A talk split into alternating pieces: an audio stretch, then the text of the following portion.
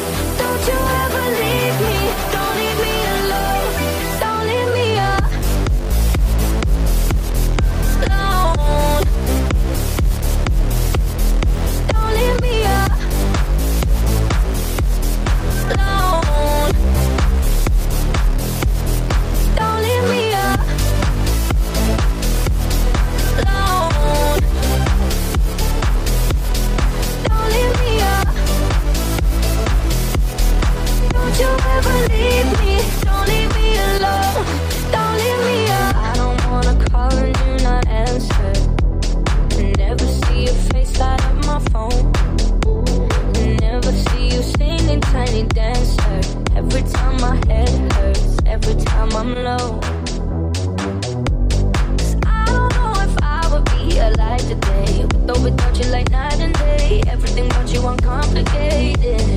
Here with you every day is a Saturday, but every Sunday you got me praying.